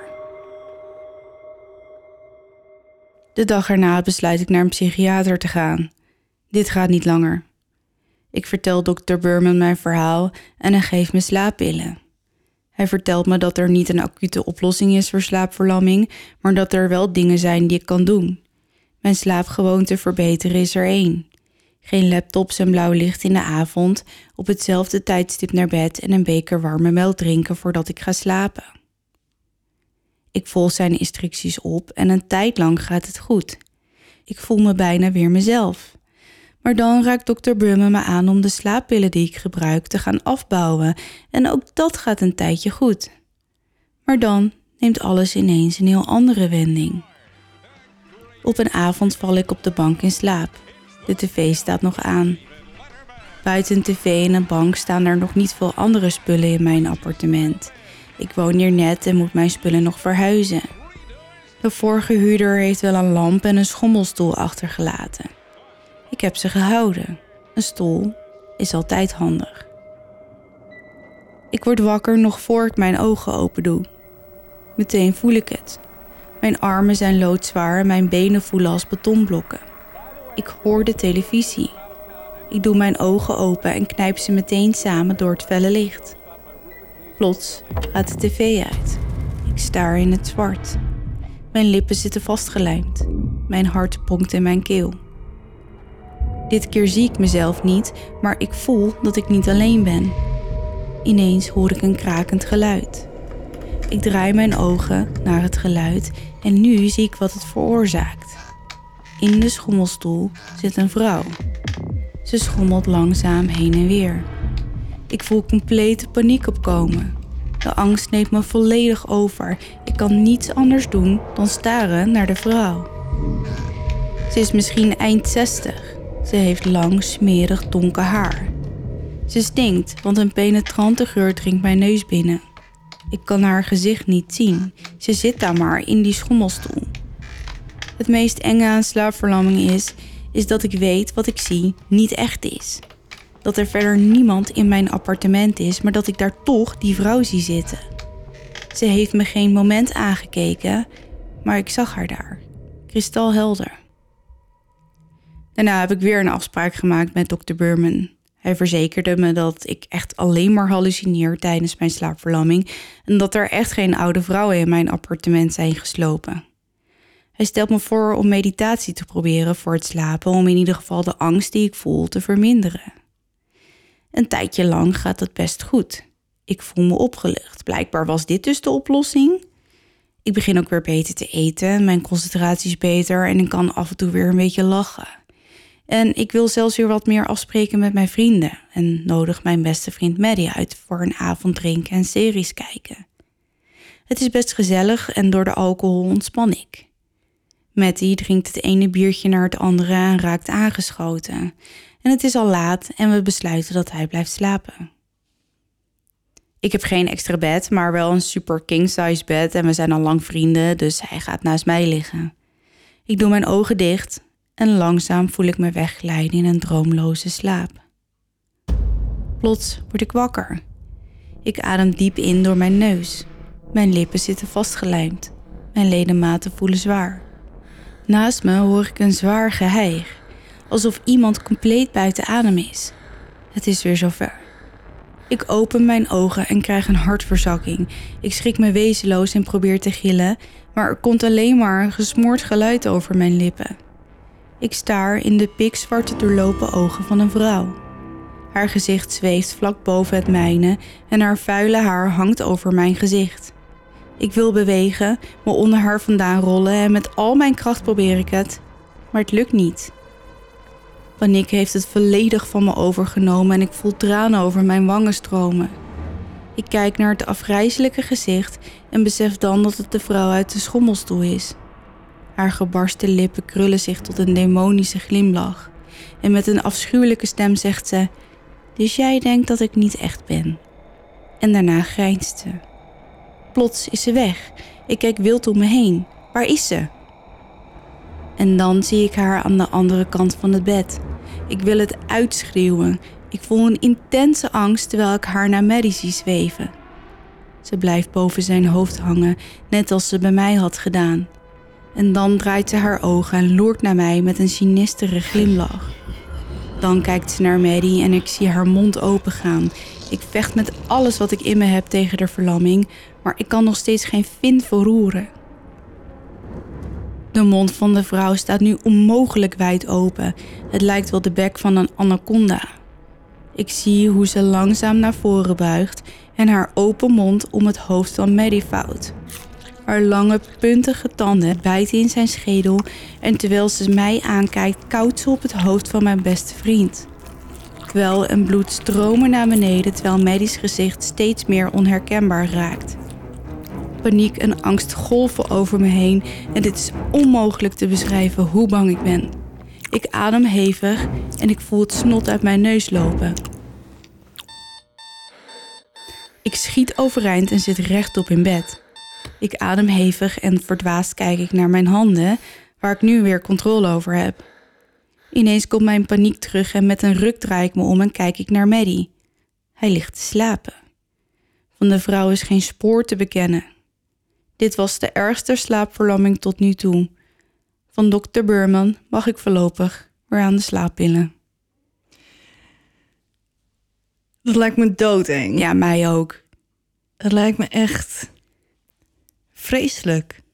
Ik snap ook niet dat die slaapverlamming zo eng moet zijn. Waarom zijn er geen unicorns en rainbows? Geen En idee. Waarom alleen maar enge? Waarom, waarom nooit? Ik kan ook nooit vinden waarom het inderdaad, wat veroorzaakt waarom het eng is en ja, niet. want je, je zou toch zeggen als je lijf slaapt, maar je hoofd niet, dan kunnen er toch 100 miljoen triljoen dingen in je hoofd voorbij komen.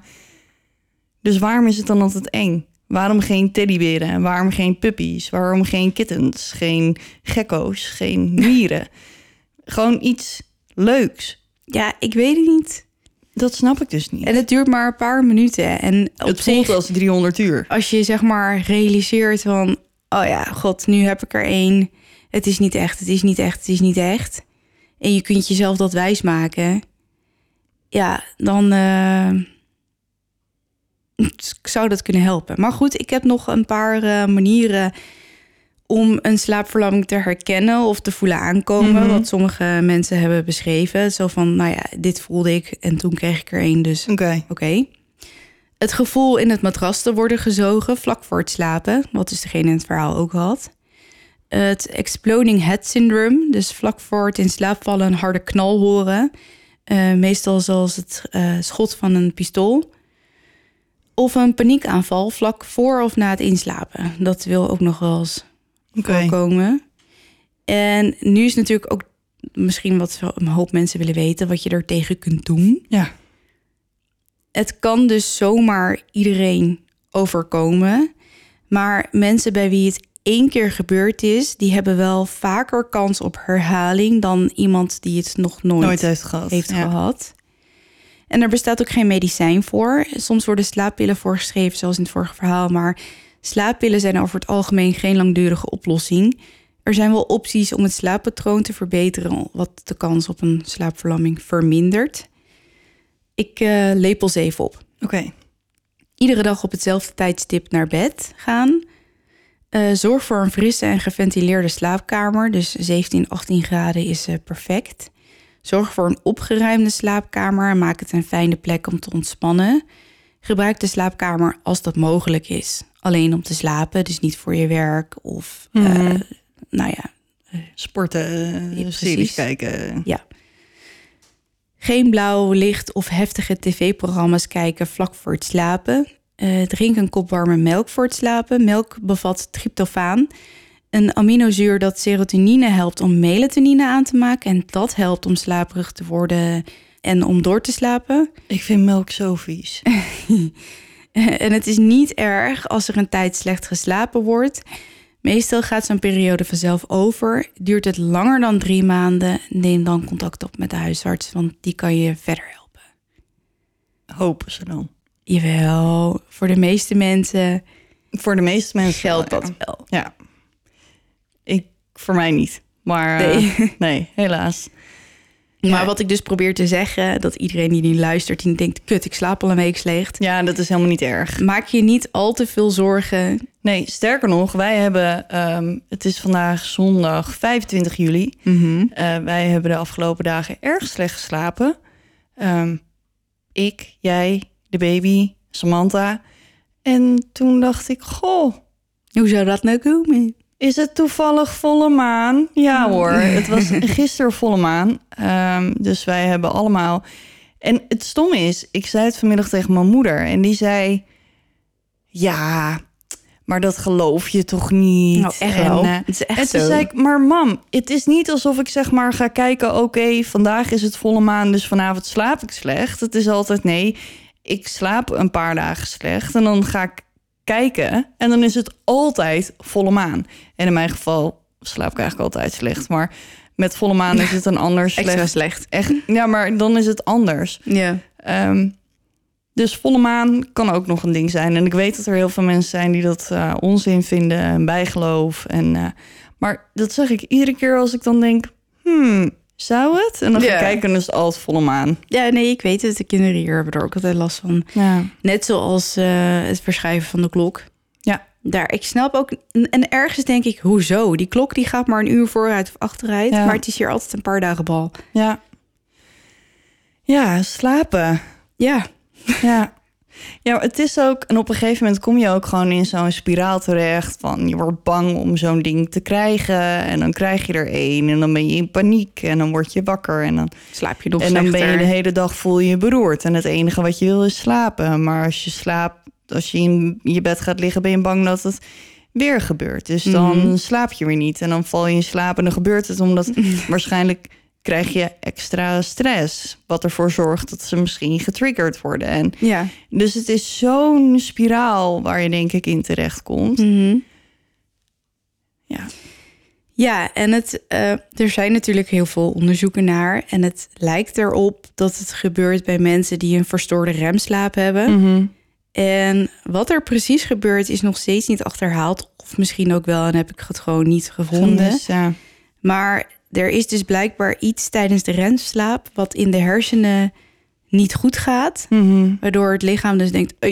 Eh, Paniek. ik ben wakker. Ja. Ja. Maar dat ben je dus niet. Nee. En, in, en sommige mensen hebben een slaapverlamming zonder, zonder hallucinaties. Mhm. Dat eh, lijkt me dan nog wel een soort van met een sisser af te lopen idee, zeg maar, gevoel. Ja, maar volgens mij als Het- je de eerste keer dat je dat hebt... denk je dat je gewoon verlamd bent, letterlijk. Dat je gewoon wakker bent geworden en dat je, Ja. Dat je gewoon er niet meer kan... Ja, en dat je gewoon niet meer kan bewegen... en dat je van op de een op andere dag Daar gewoon- word je al heel erg Ja. bang van. Ja, Precies, maar het zijn hem dus die hal- hal- hallucinaties. hallucinaties. Hallucinaties die het zo Eng. eng maken. En Ja. ik kan dus ook niet vinden waarom jouw hoofd dan het zo... Eng moet maken. Ja, waarom inderdaad niet konijntjes? Of, ja. Maar die kunnen ook heel eng worden of zo. Of clowns, weet je wel. Dan krijg je een soort van it. Maar Ja, maar ik denk dat iedereen weet wat we bedoelen. Ik denk dat iedereen wel gewoon iets heeft waar die blij en vrolijk van wordt. En ja. waarom kan het dan dat niet zijn? Ja, en het zijn ook, iedereen ervaart ook min of meer hetzelfde. Weet je, een donkere schaduw, het gevoel dat iemand je Ja. komt halen. Een heks of een old hag dus, dus een oude vrouw. Of eh schaduwen in de kast, eh, zichzelf zien, dus een, een, eh, een, een buiten het lichaam training. Ja. Dus Het zijn allemaal wel een beetje dezelfde ja. ja, zo gek. ervaringen. Maar goed, ik, eh, ik eh, soms denk ik altijd dingen die ik echt heel eng vind. Laat ik er maar niet over praten, want stel je voor. Mhm. Maar ik las laatst dat dingen die je denkt, zeg maar, niet het, het echte leven kunnen beïnvloeden. En dat is bewezen. God, oké. Dus dat, Ja, dat je hebt slaat mijn nu- vorige zin eigenlijk nergens op, maar toch. Dus je hebt het nu in de wereld gegooid. en dan? Dan gebeurt het niet. Niet. Nee, nee, nee. Dingen die je denkt kunnen het echte leven niet beïnvloeden. Oké. Ja, dat heb ik geleerd. Goed hè? Dat was een soort, soort opluchting voor me. Oké. Dus ik wil er nu graag een eind aan breien. Nou, dan doe ik nog even snel de socials. Ja. Jullie kunnen tweeten met het spook op eh, het Duisterpot Mhm. op Twitter. Instagram is het Duistere Podcast. Facebook is facebook.com slash duisterepodcast. Duisterepodcast.nl voor al uw bronnen en informatie. Mhm. En ons invulformulier. Zeker, ja. ja. Die hebben we ook nog steeds. Dus daar kan je ook altijd iets naartoe sturen als je dat wil. Eh, we hebben de Duisterclub op Facebook. Dus we echt een grote groep inmiddels. We zijn bijna met 1800 man op dit Ja. moment. Dus het is echt super gezellig. Dus Wow. kom, er, kom erbij. Ik zou al die mensen wel een keertje willen ontmoeten. Het lijkt me echt zo leuk. Ja, mij ook. Maar waar, het spook die denkt... eh, en dus zo'n groot huis hebben we niet. Ik hoor, het, hem, ik hoor het hem denken. Maar eh, nee, maar dat lijkt me echt superleuk. Ja, mij ook. Dat, Maar ja, ja, als er nou eens een keer iemand het voortouw daarin zou nemen. Die zegt, ik, ga, ik ben een organisatorisch talent. ik ben een organisatorisch talent. Nou, doe het dan. Ja, maar we kunnen nu toch niet met 1800 man op een hutje-mutje ergens gaan zitten. Daar moeten we geduld voor hebben. Totdat iedereen gevaccineerd Zullen we is. gewoon met z'n allen gaan spookjagen? Dat lijkt me zo cool. Dan ben ik niet bang als we dat met 1800 mensen gaan doen. Oké, nou ja, ik, ik denk dus nog steeds aan Duister de bustour. Ehm, Naar Roemenië? naar Roemenië bijvoorbeeld. Lijkt me enig. Ja, dat lijkt me ook wel cool. Of naar het Cecil Hotel hebben we het over gehad. ja, maar eh, dan moeten we meteen eh, Ja, maar dat is die wel grote vijver over. Dat is ook weer zo wat. Maar het is wel handig, want het is echt een heel groot hotel. Dus ze hebben voor ons allemaal plek. Ja, maar je weet ook waar het hotel staat, hè? Ja, In de gevaarlijkste buurt van... maar we zijn met z'n 1800 Wat, wat gaan ze doen? Ja, Met een legertje komen we. ja, Allemaal een duister merch. Dan, dan Ja, doet toch nou, niemand iets. Het lijkt me toch niet zo'n heel goed idee. Laten we eerst maar eens een bustour naar Roemenië doen... en dan kijken hoe Nou, wat dacht je ervan als we gewoon eens een keertje ergens in België of Nederland beginnen? Gewoon. Drie landenpunt. Kan iedereen mee Oeh. We hebben ook een Duitser namelijk. Of twee. Meer? Meer? Ja. Ik hoorde het spook een geluid maken. Wacht even. Misschien heeft hij inbreng. Heb je inbreng? Een Duitser. Duitser. Nou, wat leuk. Gezellig. Goed. We Dus, hebben ook een duisteraar die Duister heet. Die Ja, is echt dat- helemaal de bom. ja, dat is ook echt zo leuk. En het eerste berichtje dat ze ons stuurde was ook zo... Ja, ik heet echt Duister. Dus Ja. Niet omdat ik jullie heel leuk vind, maar ik heet gewoon zo. Ja, echt super cool. Dus ja. Goed, dus ehm, de Duisterclub ja. te vinden op Facebook. Mhm. Ehm, superleuk.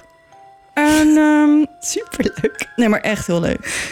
Nou, eh, zullen we er gewoon mee eh, stoppen? Ik, Ja, ik eh, zit te denken. Ik heb verder niks. Nee. Goed, dus ik wil jullie allemaal een hele fijne nacht wensen. Mhm. Slaap lekker. Of goedemorgen. En onthoud, Blijf in het licht. want je weet nooit wat er in het duister op je wacht.